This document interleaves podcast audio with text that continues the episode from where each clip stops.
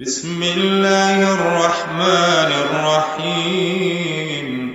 ألهاكم التكاثر حتى زرتم المقابر؟ كلا سوف تعلمون. ثم كلا سوف تعلمون. كلا لو تعلمون علم اليقين لترون ثم لترونها عين اليقين. ثم لتسألن يومئذ عن